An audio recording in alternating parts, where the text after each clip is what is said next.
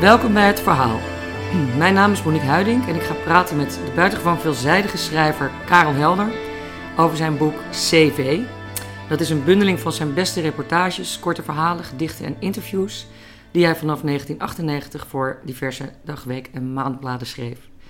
Helder schreef ook teksten voor de tv-quiz Per Seconde Wijzer, was redacteur bij Propria Curis en richtte tijdschriften op met titels als De Koperen Ploert, Pim en Anus. Hij runt het kleinste theater van Amsterdam, het Torpedo Theater, en de literaire website torpedomagazine.nl. Welkom Karel. Dankjewel. Um, ik las uh, dat voordat je ging schrijven talloze banen en beroepen hebt uh, beoefend. B bijvoorbeeld uh, metaalarbeider, voetbaltrainer, advertentieverkoper en conciërge, conciërge op een muziekschool. Wat heb je nog meer allemaal voor bandjes gedaan? Uh, ja, best, best heel veel. Eens even kijken, dat schiet me niet. Nou ja, ik, ik heb wel eens, uh, ik ben administrateur geweest, dat was heel saai. Liftboy, dat was heel leuk. Oh ja. Maar wilde je, wilde je als jongetje iets worden? Had je een bepaalde... Ja, als jongetje wilde ik journalist worden. Oh. Ja. Toch wel. Ja. Maar het, het, ging, uh, het ging zo, mijn moeder ging vroeg dood. En toen, uh, en mijn vader kon dat, de zorg voor het gezin niet aan. En dat was, was allemaal niet zo'n vrolijke boel. Toen was ik veertien. En uh, uh, toen wilde ik niet meer deugen. En op een gegeven moment moest ik van school. En toen ben ik brommerkoerier geworden. Het eerste. Oké. Okay. Dus je moest gewoon gaan werken? Ja, ik moest werken. En pas op mijn veertigste ben ik uiteindelijk gaan schrijven. Ja. En in die tussentijd heb je echt allerlei banen gedaan. Want je vond het natuurlijk niet echt leuk, of wel? Uh, nou, ik vond eigenlijk elke baan in het begin wel leuk. Maar op een gegeven moment werd het uitzichtloos. En, uh, Waarom werd het uitzichtloos? Ja, misschien was het... Ja, als magazijnbediende... Dat zou je liever niet je hele leven willen blijven. En als je kijkt naar de doorgroeimogelijkheden... dan word je op een gegeven moment misschien een administratief medewerker of zo... in plaats van magazijnbediende. Uh, en het was ook niet iets waar geen ik... Geen wenkend perspectief. Nee, ik werd daar niet heel vrolijk van. Maar ik heb wel altijd geschreven, toch?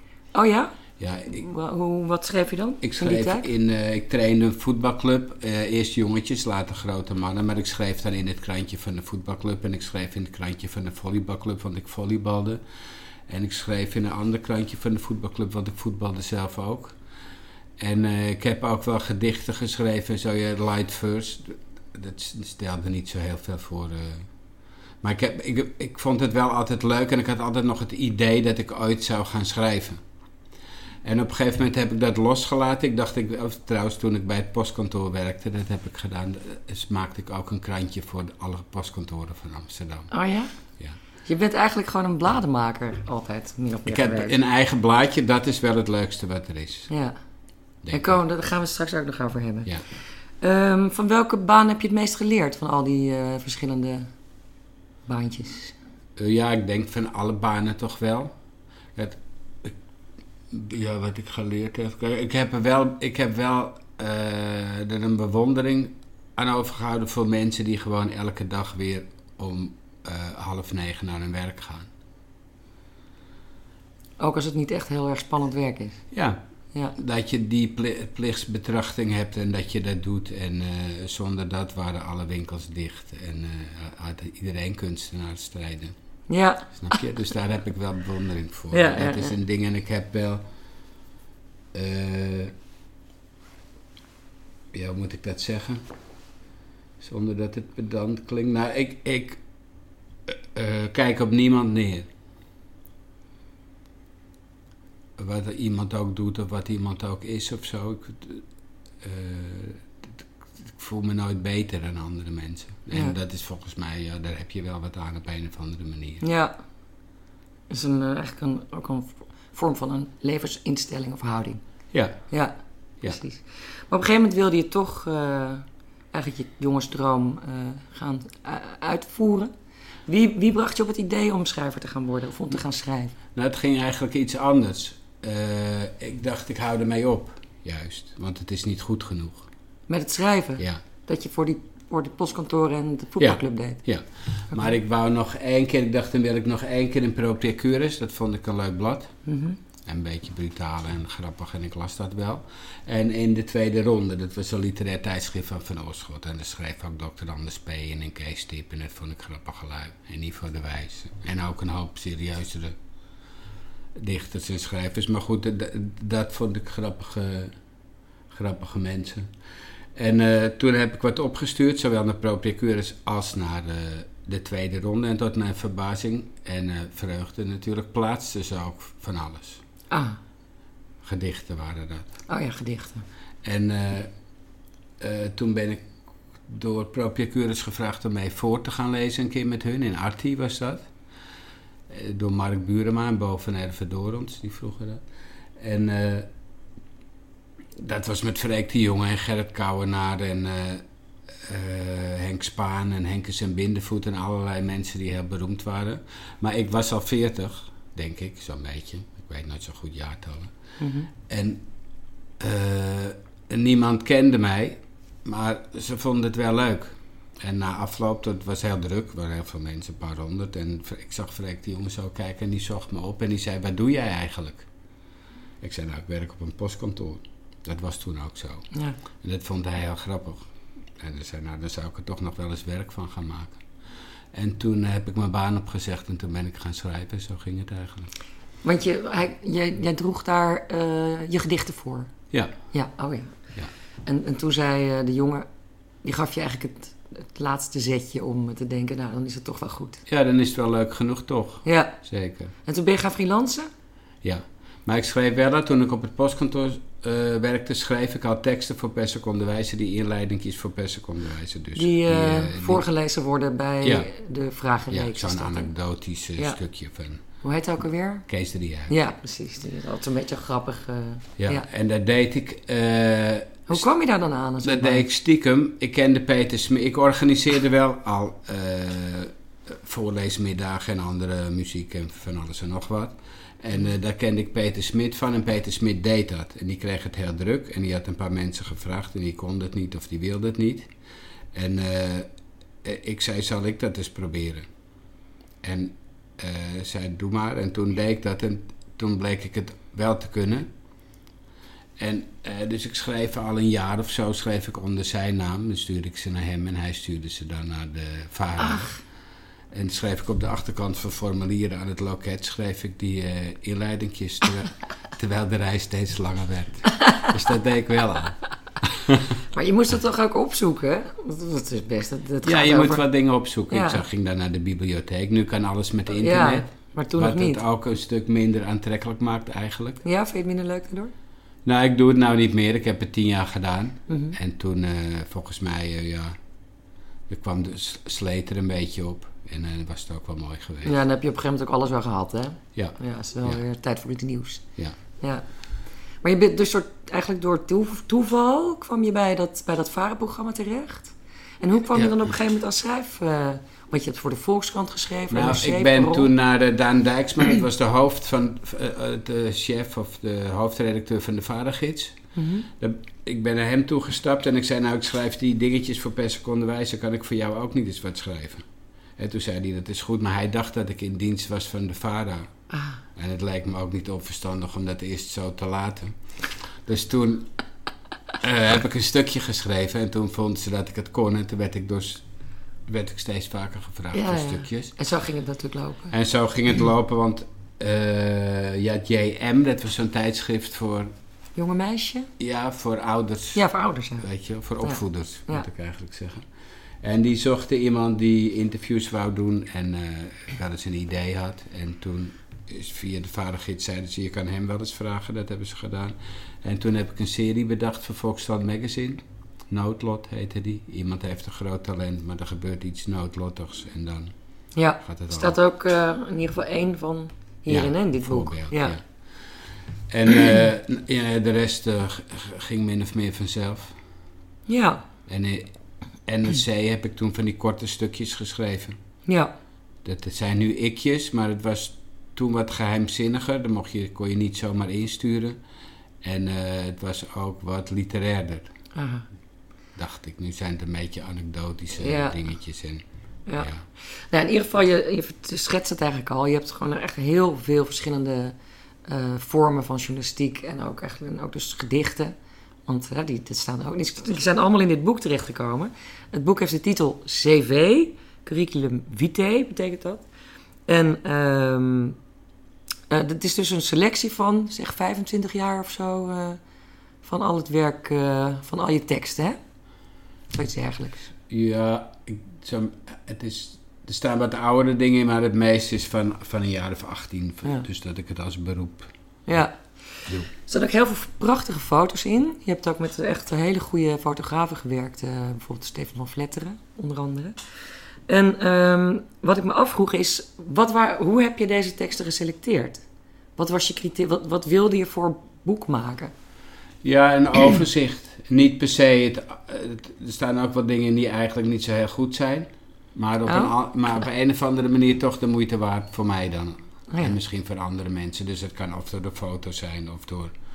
Uh, ja. ja een beetje een aparte manier van kijken misschien, of uh, dat soort dingen. Ja, er staan ook PS'jes bij. Ja. waarin dan verantwoording wordt afgelegd van waarom staat dit stukje eigenlijk in dit boek. Ja. En uh, een heel mooi verhaal over een, een, reportage over een school voor dyslectische kinderen. Vond ik ook. Er zat ook een, een enorme PS uh, staat er dan ja. achter. waarom je vindt dat dat verhaal in dit boek terecht moest komen. En dat had eigenlijk alles mee te maken met, denk ik, de manier waarop jij graag werkt.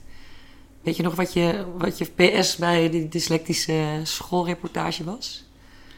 Uh, niet zo 1, 2, 3. Ja, het kwam er nu even op neer dat ze op de redactie uh, van, denk ik wat het parool was, enorme bossen bloemen. Oh ja, van een enorme bos bloemen van die school hadden gekregen, omdat ze het zo leuk hadden gevonden. Oh ja, ja dat vond ik dan wel weer aardig om dat stuk te kiezen. Ja, en uh, dat je ook alle, eigenlijk in alle rust en kalmte.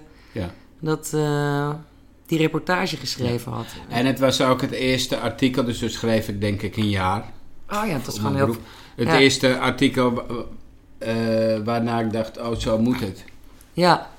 Het is allemaal niet zo moeilijk als je denkt. Je moet gewoon opschrijven hoe het is. Ja, ja precies. Want in die PS verklaar je eigenlijk hoe je werkt. Ja. Tenminste, dat was mijn indruk. Ja, dat is ook zo. Ja, dus je gaat ergens heen en dan? Je bent nieuwsgierig en je gaat eens kijken, dat is het. Ja. En, je, en je hebt geen haast.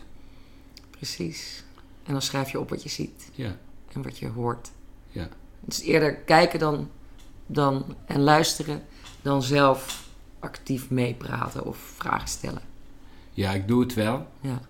Maar uh, ik, liever niet. Ik ben ook wel eens, dat was, ik moest iemand interviewen en het was voor de Volkskrant. Zo'n banenblad hadden die, Volkskrant Banen. En daar had ik een rubriek in. En uh, die man die was gebriefd door zijn PR-bureau, wie ik was. Okay. En dat las hij voor. En is, ik bleek dan iemand te zijn die uh, ja, je zou maar kunnen onderschatten, geloof ik, stond erin. En er was, stond er ook iets in van dat ik vaak hele lange stiltes liet vallen, maar dat hij daar niet zenuwachtig van moest worden. Ach, god.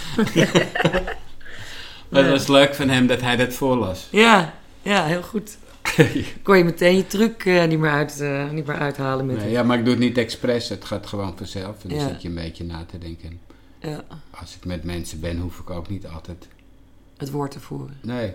Dan zou je dit wel een, ingewikkelde, een ingewikkeld interview vinden, deze podcast. Nee, dit valt van mij. Oké. Okay. Um, wat ik me ook afvroeg, uh, want je, bent ook, je hebt ook, dus, dat zei ik in de inleiding, uh, diverse bladen, tijdschriften eigenlijk uh, opgericht gemaakt. Ja. Wilde je van dit boek ook, want het, het is eigenlijk gewoon een heel dik tijdschrift ja. geworden. Ja. Was ook de bedoeling? Ja, dat was de bedoeling, ja. Ik had mijn idee was, je vraagt een aantal mensen die verschillende disciplines beoefenen. Dus en toneelstukken schrijven en reportages maken en verhalen en gedichten en de hele mikmak. En dat is allemaal gepubliceerd, dus het is ook al betaald. Dus dat leek mij commercieel nog wel handig. Ja. En iedereen is er blij mee. Ik bedoel, ik ben blij met het boek, dus leuk. Dan kun je laten zien, kijk, uh, dit doe ik. Ja. En dus via Barbara van Beukering had ik Martin Bril gevraagd. En ik ken Adriaan Jeggi en het is ook zo iemand. En ik dacht, dat is een, wordt volgens mij een hartstikke mooie serie. En dan doe je het zo dat je de rug zo ontwerpt dat het pijn doet als er één uh, ontbreekt. Ah. Dus dan moet iedereen ze wel allemaal kopen. Ah ja. Maar goed, er kwam natuurlijk weer niks van terecht, zoals van de meeste dingen.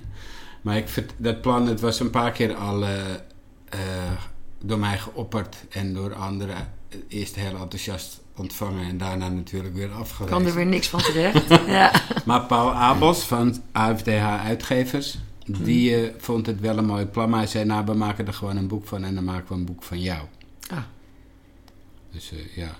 Maar Maar Bril en Jeggie zijn er intussen die zijn overleden, ja. Dus eh, Maar daar zou je nog even goed wel zo'n boek van kunnen maken. ze zouden er wel een serie... Ja, dat zou zeker kunnen. Ja. Dat lijkt me ook heel leuk. Ja.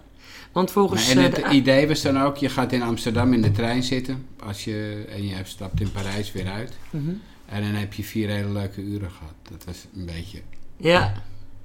Als je dit boek leest. Ja, Ja, Nou. het is ontzettend af, het is heel erg afwisselend. Ik vond het zelf ontzettend leuk om te lezen. Ik heb ook vreselijk hard moeten lachen om sommige dingen. Heel geestig. Ehm, en het is ook heel erg mooi geïllustreerd. Dat moet ik natuurlijk wel even voor de luisteraar bij vertellen. Het ziet er prachtig uit. Heel mooi vormgegeven. Heel leuk ook. Eh, je kunt ook, eh, het is eigenlijk ook in een soort van rubriekjes met allemaal verschillende kleuren. En eh, prachtige foto's. Er staat ook een hele, door het hele boek heen. ehm, ja, zo'n foto. Of je fotografen heb je eigenlijk. Ja, het zijn, niet, het zijn, ja, het zijn wel interviews, denk ik. Hè? Ja, het is in de, in de ik-vorm volgens mij. Met, met een van hun foto's erbij. Dus dan erg mooie foto's in wat dat betreft. En eh, ook bij je reportages eh, echt bijzonder mooi. Dus de- daarom alleen al is het, een, is het een feest om er doorheen te bladeren. Ehm, maar wat ik ook wat ik helemaal opmerkelijk vond, er staan ook advertenties in. Ja. Heb je die zelf geschreven, die advertenties? Eh, nee, maar wel dat ik dacht, dat lijkt me wel leuk als die er een advertentie in zet. Ik ga overal in die oude Volvo van het garage van Vloten naartoe.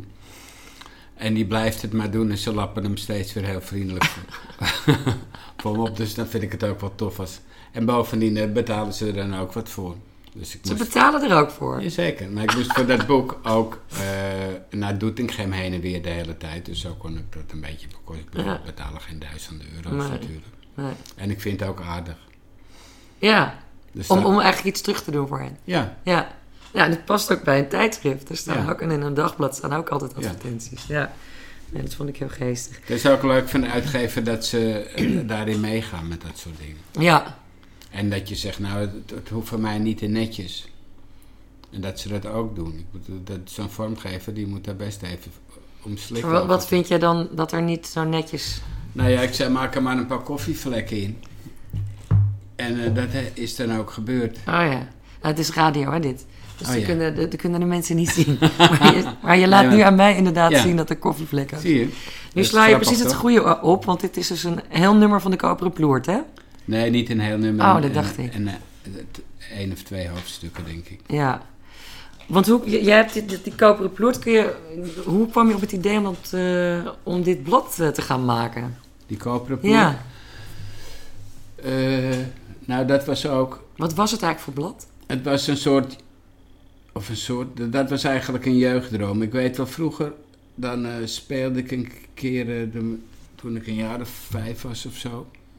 Een soort zwerverachtige iemand. Een soort zwiebertje met zo'n stok en zo'n eh, geknoopte zakdoek. Dat En speelde. dat je dan de wijde wereld introk. En dat wilde je ook eigenlijk best graag zeker Dat, lijkt me... Ja, dat, dat romantische beeld, dat, dat is altijd bij me gebleven. En, en eh, toen ik dat blad bedacht, dat was toen ik ging schrijven. En ik had er ook geen geld voor. En toen heb ik een heel groot diner gegeven in eh, Ransdorp in een weiland. Daar staat ook een foto van de Ja. tafel in. eh, daar begint dat stukje te komen. Daar zaten 100 mensen aan de ene kant van de tafel en 100 mensen aan de andere kant. Of 75, ik weet niet precies. En moesten die betalen? Ja, die hebben allemaal eh, eh, 200 euro betaald. En toen had ik een soort beginkapitaal om ook om te gaan schrijven. Dus los van die varengids en zo. Want dat Mhm. gaat natuurlijk mondjesmaat in het begin. Ja, Nee, als je elke week een stukje hebt, is nog niks. nee. En eh, zo, is het, zo is het gegaan. En dat blad dat was wel, je gaat eh, fietsen of lopen of met een bootje. En, eh, maar in elk geval, dat moest een hoog zwiebertje gehaald hebben. En dan ging ik langs schrijvers en dichters die ik bewonderde. Mhm. En dan maakte ik een eh, reisverslag, een interview. En ik vroeg ze om een eh, bijdrage in de vorm van een verhaal of een gedicht. Dus zo ben ik naar Theo Sontrop gegaan op Vlieland. En naar Jan Wolkers op Texel en naar Jean-Pierre Rabhi. Ja, en dat, ik- dat is opgenomen met Jean-Pierre Rabhi. Dat staat Ja. in, in dit boek ook. Ja. Hilarisch, hilarisch verslag. ik moest echt hardop lachen. Dank je. In, in alcohol gedrenkte wandeling door de binnenstad van Groningen. Eigenlijk alleen maar van het ene café naar het andere. En echt hilarisch, hilarisch verslag. Ik moest er vreselijk om lachen. Je schrijft bijvoorbeeld... Je, je, bent, je deed dat ook dan samen met, met een ander... Ja, met Herman Geurts. We hebben nu het Snowdenplan opge... Dat blad dat is verkeerd al een jaar of uh, tien in comatueuze toestand. maar we hebben nu het uh, plan opgevat om dat weer... Uh, nog een keer te doen. Nog een of keer. te gaan herhalen. Verder te gaan. Ja. Het is, echt, het is echt ontzettend geestig. Want die Herman hij, Geurts, die is vormgever. Hij is vormgever en een hele goeie. En hij heet in, in dit verhaal Jonkheer Aristide de Kwispelaren. Ja, dat is zijn eigen gekozen pseudoniem. Ah, oké. Okay. Want op een gegeven moment schrijf je... Je bent dus met Ravi uh, en, en de Kwispelaren ben je ontzettend te veel aan het drinken. En... en uh, ze zijn ook, uh, ze zijn eigenlijk allebei redelijk onaangepast. Van die twee onaangepaste heren die dan van kroegje naar kroegje stappen met jou, uh, met je, met je schrijfblokje ja. erachteraan. En dan schrijf je op een gegeven moment de dichter, dus uh, Ravi. De dichter en de kwispelaren blijken het gelukkig goed met elkaar te kunnen vinden. En zelfs over een gemeenschappelijke kennis te beschikken. Koning alcohol. dat zit grappig. Ik moest echt heel hard lachen. Mijn vriend die kwam naar beneden en zei, wat is er aan de hand? Um, oh ja, dichters en cafés. Uh, dat komt ook op de een of andere manier. Hebben die twee veel met elkaar te, te maken. Uh, een aantal van je korte verhalen speelt zich ook in, in een café af. Ja. Ging je dan ook echt naar een café? Zat je aan de bar en hoorde je die anekdotes of verzon je dit? Uh, ja, dit is, het is wel allemaal gebeurd, maar het is niet allemaal op, de, nou, op één plaats gebeurd, bijvoorbeeld. Je componeert het natuurlijk ook. Ja. Ik wil je er één laten voorlezen in ieder geval. Die heet Beter. Dit is voor NRC Handelsblad uh, geschreven. Het is een heel kort verhaal. En dat speelt zich dus in een café af. Voor de microfoon. In een Amsterdams eetcafé zag ik Leo en Hanneke. Een dag of twee later trof ik hem weer. Wat zag je vrouw er goed uit, zei ik. Het was een mededeling die niet enthousiast werd ontvangen. Na een paar glazen bier kwam het hoge woord eruit. Denk je dat ze een ander heeft? vroeg hij. Waarom zou ze? Leo trok een paar moede schouders op. Ik weet het niet. Ik denk het gewoon. Kleine dingen. Er volgde een opsomming van inderdaad kleine dingen. Nieuwe lingerie, zingen bij de afwas, waarmee het nog alle kanten op kon, maar toch.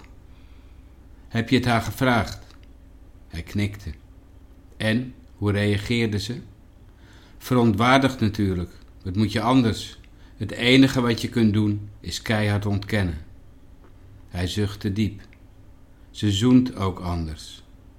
Er trok een smartelijke uitdrukking over zijn gezicht. Beter. Ja, heel goed. Beter. Oh, je voelt zijn pijn. Um, als jij uh, je door de stad beweegt, en tenminste, ik weet, je schrijft op dit moment nog wel voor Volkskrant Magazine, dacht ik, hè? Nou, voor de V van de Volkskrant.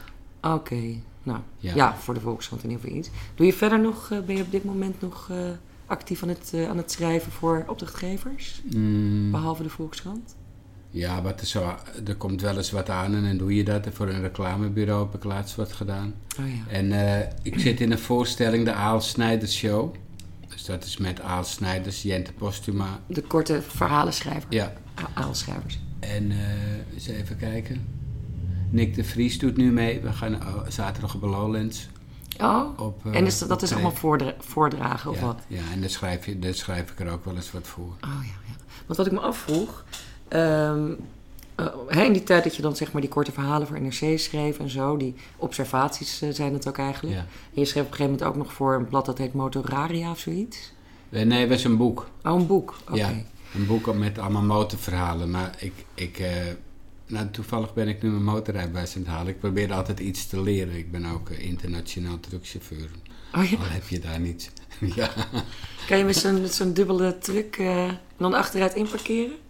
Nou, tijdens het examen wel in elk geval. ja, dus dan vind ik het heel nuttig. Het lijkt me trouwens geweldig om zo'n uh, rijbewijs te halen. Dat is ook altijd mijn diepe wens geweest dat ik zo'n enorme vrachtwagen kan besturen. Lijkt me echt geweldig. Ja, ik heb Maar dat het schijnt heel duur te zijn. Ja, maar eh, dat heb ik omzeild door er voor de Volkskrant een stuk over te maken. Oh, wauw. Ja. Dus dat is hoe ik het altijd een beetje probeer te doen, snap je? Goh, die kreeg ik daarvoor, daarvoor in de plaats. Voor de aandacht. In de krant. Mocht je dat rijbewijs halen. Ja. Wauw, wat goed geregeld. Ja. Ja, ik, moet, ik moet daar ook zo gaan denken, denk ik. Ik moet dat ook wat handiger aanpakken allemaal. ja.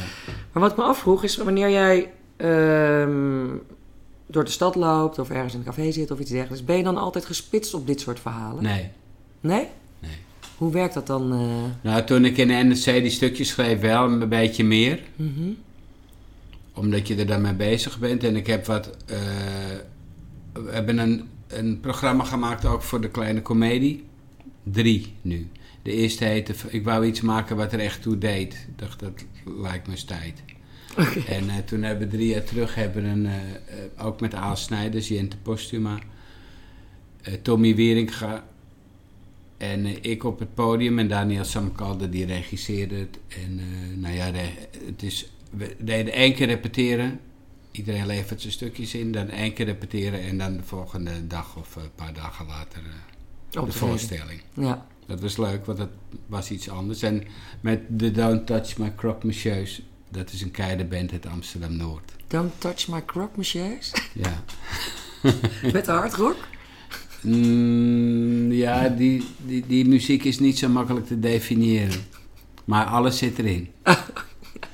En die, traden, die, die, die deden de muzikale omlijsting, zoals het Zeker, zo mooi heet. zeker. En daarvoor heb ik toen een aantal verhalen over mijn familie geschreven. En dan doe je weer eens wat. En dat bedoel je met dat je iets wilde maken wat ertoe doet? Omdat het over je familie ging? Ja, nou, voor, voor, voor iedereen is dat een, een... En het was ook een aardig gezelschap. Snijders is al best oud. Ja. En die jongens waren nou 23 of zo. En wij zaten er allemaal een beetje in verschillende... De jongens van die band Ja. zijn En de 23. rest zat er trapsgewijs tussenin. Ja. En dat had een soort familie eh, idee, snap je? Ah, Hoe dat op het podium stond. Ja, ja. En Elsje de Wijn was er ook bij. Ah, die is ook al wat ouder. Ja, Ja. heel leuk. Leuke vrouw, Ja. zeker. En hoe moeten, wat, wat moeten we erbij voorstellen bij, zo'n, bij die voorstelling? Dus jullie lezen allemaal je eigen stuk voor? Ja. En heeft en het al eenzelfde Elsje die kan spelen. Dat is de enige die wat kan natuurlijk dat, is uiteindelijk. een hele, dat is best een goede actrice. En Ja. Snijders kan ook gewoon uit zijn hoofd vertellen. En de rest ook wel een beetje. Mhm. En die jongens maken de mm, nummers voor en dan is het een voorstelling. Ja, Ja. dat is ook zo. Maar het was best goed gelukt hoor. Ja? Ja, Want wat is, is dat er dan een soort rode draad in? Of, eh, Ja, uiteindelijk wel.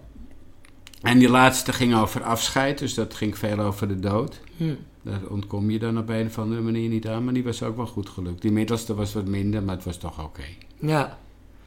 En want je hebt zelf ook een theater. Het oude Parooltheatertje is dat, hè? Ja, ja. Eh, het eh, Tornado Theater. Torpedo Tor- theater. torpedo, Maar dat sorry. is een veelgemaakte verspreking. Ja, stom. Ja, maar- Ehm, wat, doe, wat doe je daar in dat theatertje?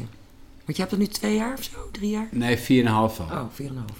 In, januari 5. Eh, we hebben heel veel verschillende voorstellingen. We hebben, eh, ik doe het niet alleen, natuurlijk. Er Nee. zijn wel 40 mensen die, eh, die, die meehelpen op een of andere manier. Misschien nog wel meer. Mhm.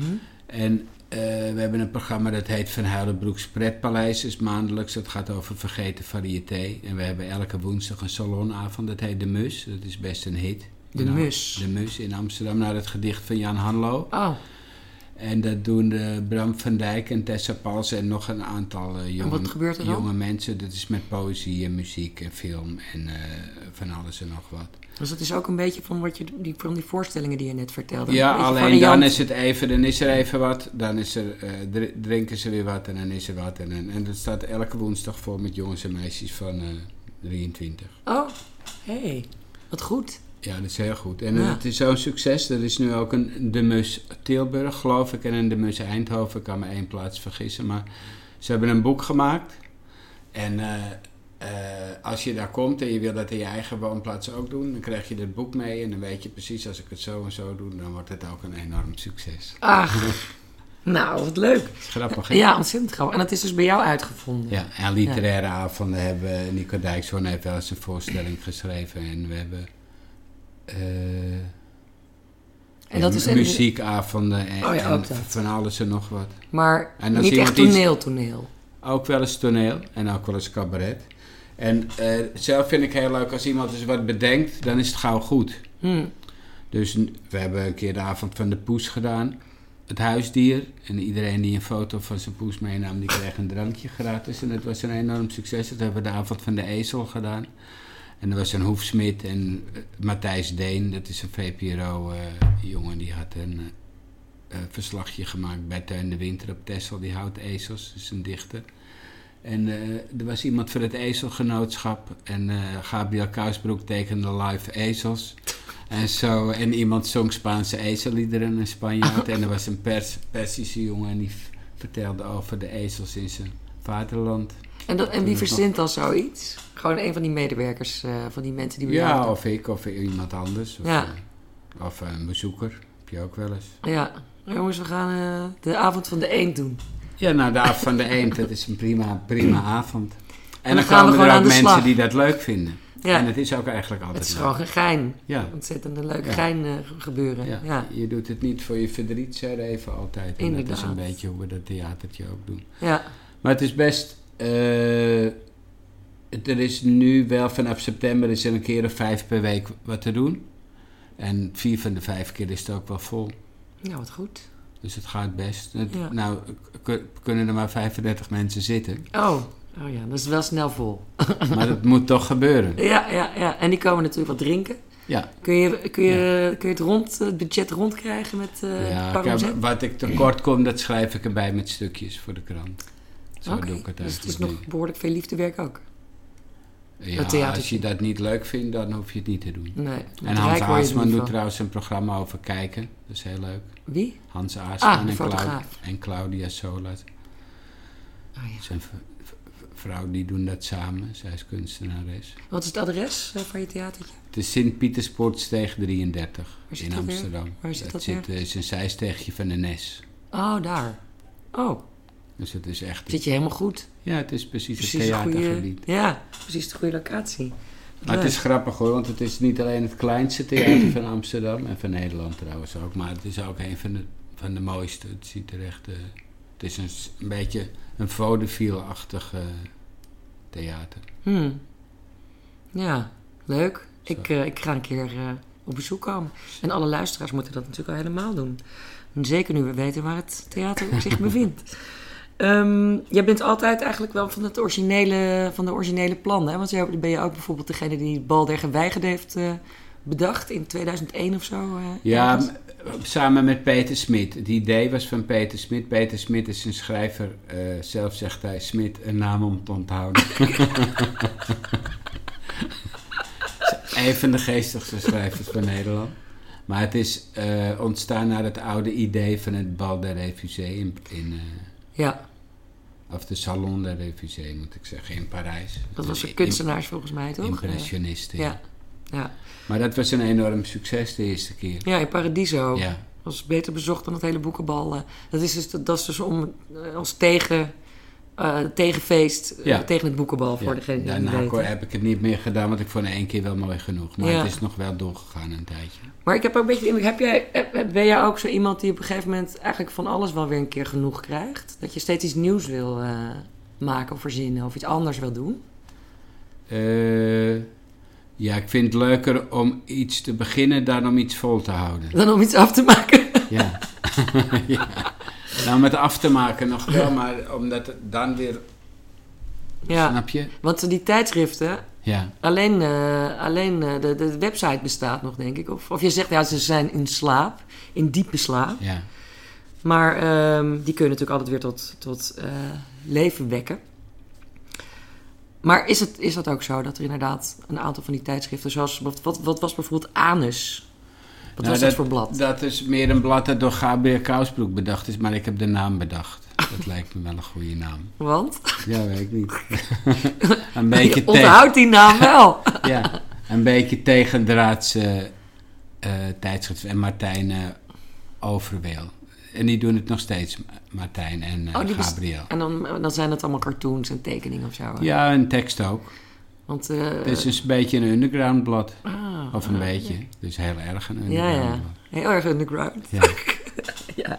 En bijvoorbeeld het blad Pim, dat had je samen met Mark Burema, Ja. eh, ook wel bekend als Prit, van Geen Stijl, eh, begonnen. Was dat ook naar aanleiding van de moord op Pim Fortuyn? Of, Nee, eh, het was daarvoor, Oh, denk ik. Nou, dat weet ik eigenlijk niet zeker. politiek incorrecte mensen, geloof ik. hè, Was af- Nee, po- Politiek Incorrect Magazine. Oh, magazine, oké. ja. Ja, maar Pim leek mij gewoon een, een grappige naam, omdat ik dacht, ja, dat is wel heel brutaal. ja. En eh, de eerste keer werkte dat ook goed, want al die Pim-aanhangers die kochten blad. Maar die, ja, dat was niet echt voor. Ik bedoel, ook niet tegen. Mhm. Maar het was ook eh, een beetje een raar tijdschrift. Maar Bert Brussen, dat- die eh, ken je misschien wel, Ja, die is, eh, die is de, Die de, zei- de man van de Post Online. Ja, die zei later nog wel eens dat het blad zijn tijd ver vooruit was. En in zekere zin was dat ook wel zo. Want? Het was, nou, het was een hele rare allegaartje waar heel veel eh, leuke en goede mensen aan meewerkten. En we hadden geen enkele, ja, er zat geen enkele richting in of zo. Behalve dat het vrij was. Alles mocht ook. Ja, Ah, Daar hou jij van, hè? ja, Net als in je theater. Ja, Ja. Ja, heel erg. En het was best, ik vond het, nu vind ik het nog wel jammer dat dat er niet meer is. Maar soms, eh, ja, de uitgever op een gegeven moment, die zag er geen eh, brood meer in. ja. En dat is later, het Torpedo Magazine was ook zo'n blad. En dat kwam uit bij Neigen van Ditmar. En eh, ja, dat was... Dat is nog steeds wel heel jammer dat dat gesneuveld is, want dat was een heel goed tijdschrift. Dat was ook het enige ongeformateerde tijdschrift van Nederland. Ongeformateerd. Nou ja, kijk, het is tegenwoordig zo dat alles is bedacht. Alles is bedacht. Je en kunt niks in meer Vrij nieuws. Nederland moet het links, weet je wel. En in HP moest het rechts op Mhm. een gegeven moment. En in, in vrouwenbladen moet het goed eindigen. En er moeten er tips bij. En, en er zitten en, en En, kadertjes. en sterretjes en, ster- rondjes. Ja. En het enige wat wij tegen de mensen zeiden is... welk stuk zou je nou het liefst maken? Ah, En dat gingen ze doen. oké. Dus het was uit liefde en niet uit Ja. sterretjes en hoekjes Ja. en links en rechts en bla. En Ja. het was een heel tof tijdschrift. Er zijn drie nummers van verschenen. En we hebben ook hele goede kritieken gehad. Maar ja, eh, dat maakt niet zoveel uit of je goede of slechte kritieken krijgt. Ja. Als je maar bekend wordt qua naam. Ja, Maar, Maar- nu is het een website. ja maar dat is ook een beetje een aardigheidje. Er kunnen, hoewel het wel, wel- er wordt wel op gekeken. We Mhm. hebben wel een paar eh, hele goede debutanten. Ja? Ja, en ja, ook eh, goede bezoekersaantallen? Nou, ik kijk er nooit op. Oh, Ik heb geen idee. oké. Ja, dus Nee. het zijn eh, hele goede, grote schrijvers aan verbonden. In ieder Ja, geval eh, las ik in de column Ja. Ja, dus dat is hartstikke mooi. Ehm, nog even... Oh ja, dat is ook heel belangrijk. Jij hebt Hendrik Groen ontdekt. Die is voor het eerst op tor- Torpedo Ja, Magazine.nl verschenen. ja. En nu is het zo- pas heel onlangs is bekend geworden wie hij in de werkelijkheid is. Dus je hebt gewoon... Hoe kende jij die Peter de Smet al, eh, die nu blijkt Hendrik Groen te zijn? Eh, ja, die ken ik al heel lang. En dacht Dat jij... is een hele goede vriend van me. Maar jij hebt hem uiteindelijk een, ken- een kans gegeven, toch? Op Eh. Torpedo Magazine voor zijn stukken over dat dagboek. Ja, hij liet het lezen en ik wist... Ik, ik, heb wel iets... Ik kan wel altijd zien of iets goed is of niet. Ja, Geloof ik. een fijne neus voor Of- talent. Ja, dat denk ik. Ja. Maar ja, ook wel eens, zit er ook wel eens naast hoor. Maar, maar, eh, eh, dus ik dacht gelijk, ja, dat, daar ga je heel veel van verkopen. Ja, als dat een boek wordt. Ah. Dus dan hebben we het zo gedaan. Hij heeft eerst elke dag op Torpedo Magazine een stukje geschreven. Ook als een soort van schrijfdwang eh, verplichting achter. Ja, nou, het was al klaar, maar ik heb gevraagd of je het... ik zei, het is beter als je het herschrijft en dan maak je het actueel. Het was al af, snap je? Oh. En dan... Dus je hebt, eigenlijk de redactie ook nog eh, gedaan. Nou, ik heb er verder niet veel aan gedaan, behalve eh, hem uitgelegd hoe hij dat stukje op die website moet zetten. ja. Wat trouwens best nog een hele... En dat voor een een, hele hoogbejaarde, klus een hoogbejaarde man Precies. gedaan. Ja. En, eh, en, en ik dacht op een gegeven moment komt er wel iemand en dat was ook zo. Ja, Uiteindelijk twee uitgevers. ja, en toen werd het Meulenhof. Ja. En die hebben gewoon een, een enorme bestseller met... eh, Die hebben met het ook heel goed gedaan. Die, hebben, die tekening die voorop op dat boek staat is heel goed. Mhm. Dat is heel goed ge- getroffen. Oké. Het is ook... eh, en verder hebben ze het ook allemaal prima gedaan. Ja, nou ja, dat is eh, razend populair. Ja. Ik vind het ook wel geestig dat hij zich... hij houdt waarschijnlijk niet van publiciteit, die Nee. Peter Smit. Dan moet je het ook wel zo doen. Ja. Dan heb je nu, nu misschien nog pech dat ze achter je aankomen. We gaan al een beetje richting het einde. Eh, er staan ook een paar heel mooie persoonlijke verhalen in dit, eh, in dit prachtige boek. Eh, een heel mooi verhaal over je opa. En komen jouw gro- grootouders uit Friesland, vroeg ik me af? Ja. Dus je hebt Fries bloed, want je bent zelf hartstikke Amsterdammer. Ja, het valt wel mee hoor, want ik Ja. ben, voel me altijd thuis in Friesland. Oh ja, in het noorden van het land. Eigenlijk meer dan in Amsterdam. Ja? Ja, dat komt ook wel in sommige verhalen een beetje naar voren inderdaad. Maar je hebt een heel mooi verhaal over... geschreven voor dat boek Motorazia. Of Het is allemaal motorverhalen. Ik ga het niet verklappen, maar het gaat... Het is een persoonlijk verhaal, heel kort verhaal. En ik wou vragen of je dat nog even wilt voorlezen. Motorradia heet, heet, dat, eh, heet dat boek. CZ. Toen ik op de middelbare school zat, stierf mijn moeder. Twee maanden na haar dood vond ik een CZ in de bosjes. Een vaal grijs met oranje Tsjechoslowaakse motor. Ze zou hebben gezegd: Wie vindt er nou een motorfiets in de bosjes? En? Wat deed je in de bosjes? Maar ik was niet in de bosjes. Ik liep er langs op weg van een vriend naar huis en zag hem liggen. Ik denk gestolen en achtergelaten. De spaken glansden in het maanlicht. Ik keek om me heen. De buurt was uitgestorven. Toch was het spannend. Elk moment verwachtte ik een hand in mijn nek. Het was een zwaar ding, zwaarder dan ik gedacht had in elk geval. Het kostte me moeite om hem overeind te trekken. Maar er zat nog minstens 5 liter benzine in de tank en na een paar wilde trappen op de kickstarter klonk er een knal en deed hij het. Het werkte allemaal precies hetzelfde als bij een brommer. In een paar minuten had ik Amsterdam Noord achter me gelaten. Ik was 15, dronken en reed 100 km per uur. Uit mijn middenrif perste zich een reusachtige, gloeiende bal omhoog, die met een brul uit mijn keel schoot. Mijn ogen vulden zich langzaam met tranen. Ja. Mooi. Mooi leed. Mooi, mooi leed, of niet mooi leed, maar het, leed mooi verbeeld. Ehm, ja, eh, mijn laatste vraag is eigenlijk eh, aan jou. Is dit boek nou een afsluiting? Of is het een nieuw begin? Of is het iets anders? Ga je nog een ander boek schrijven? Ga je... Eh, nou ja, kijk, de vorige keer, het is een beetje, het is een afsluiting. Ik dacht, ik hou mee op. Ik vind het wel mooi geweest. Met het schrijven? Ja. en schrijf ik nog wel, zoals dit soort verhaaltjes of zo. Maar, Mhm. Maar het, gaat, eh, het gaat vaak anders op het moment dat je... Dat was de vorige keer ook, toen ik dacht, nou, ik hou op met het schrijven. Toen begon het eigenlijk pas. Dus je, Ja. dus je kan er niet zoveel van zeggen. Je, je kijkt gewoon wat er gebeurt, wat er op je pad komt. Ja, Of je verzint iets en dan ga je er zelf mee... eh, precies. Ik word er nooit heel eh, zenuwachtig van. eh, komt wel iets. ja, komt er iets voorbij. Ja. Leuk. Ik hoop dat er iets voorbij komt. Want het is een prachtig boek. dank En je. ik wil ook eh, aan de luisteraars eh, meegeven dat ze het allemaal meteen moeten kopen en lezen. Want het is echt heel leuk. En ehm, dan dank ik je voor dit gesprek. Graag gedaan. Ik sprak met Karel Helder over zijn boek CV.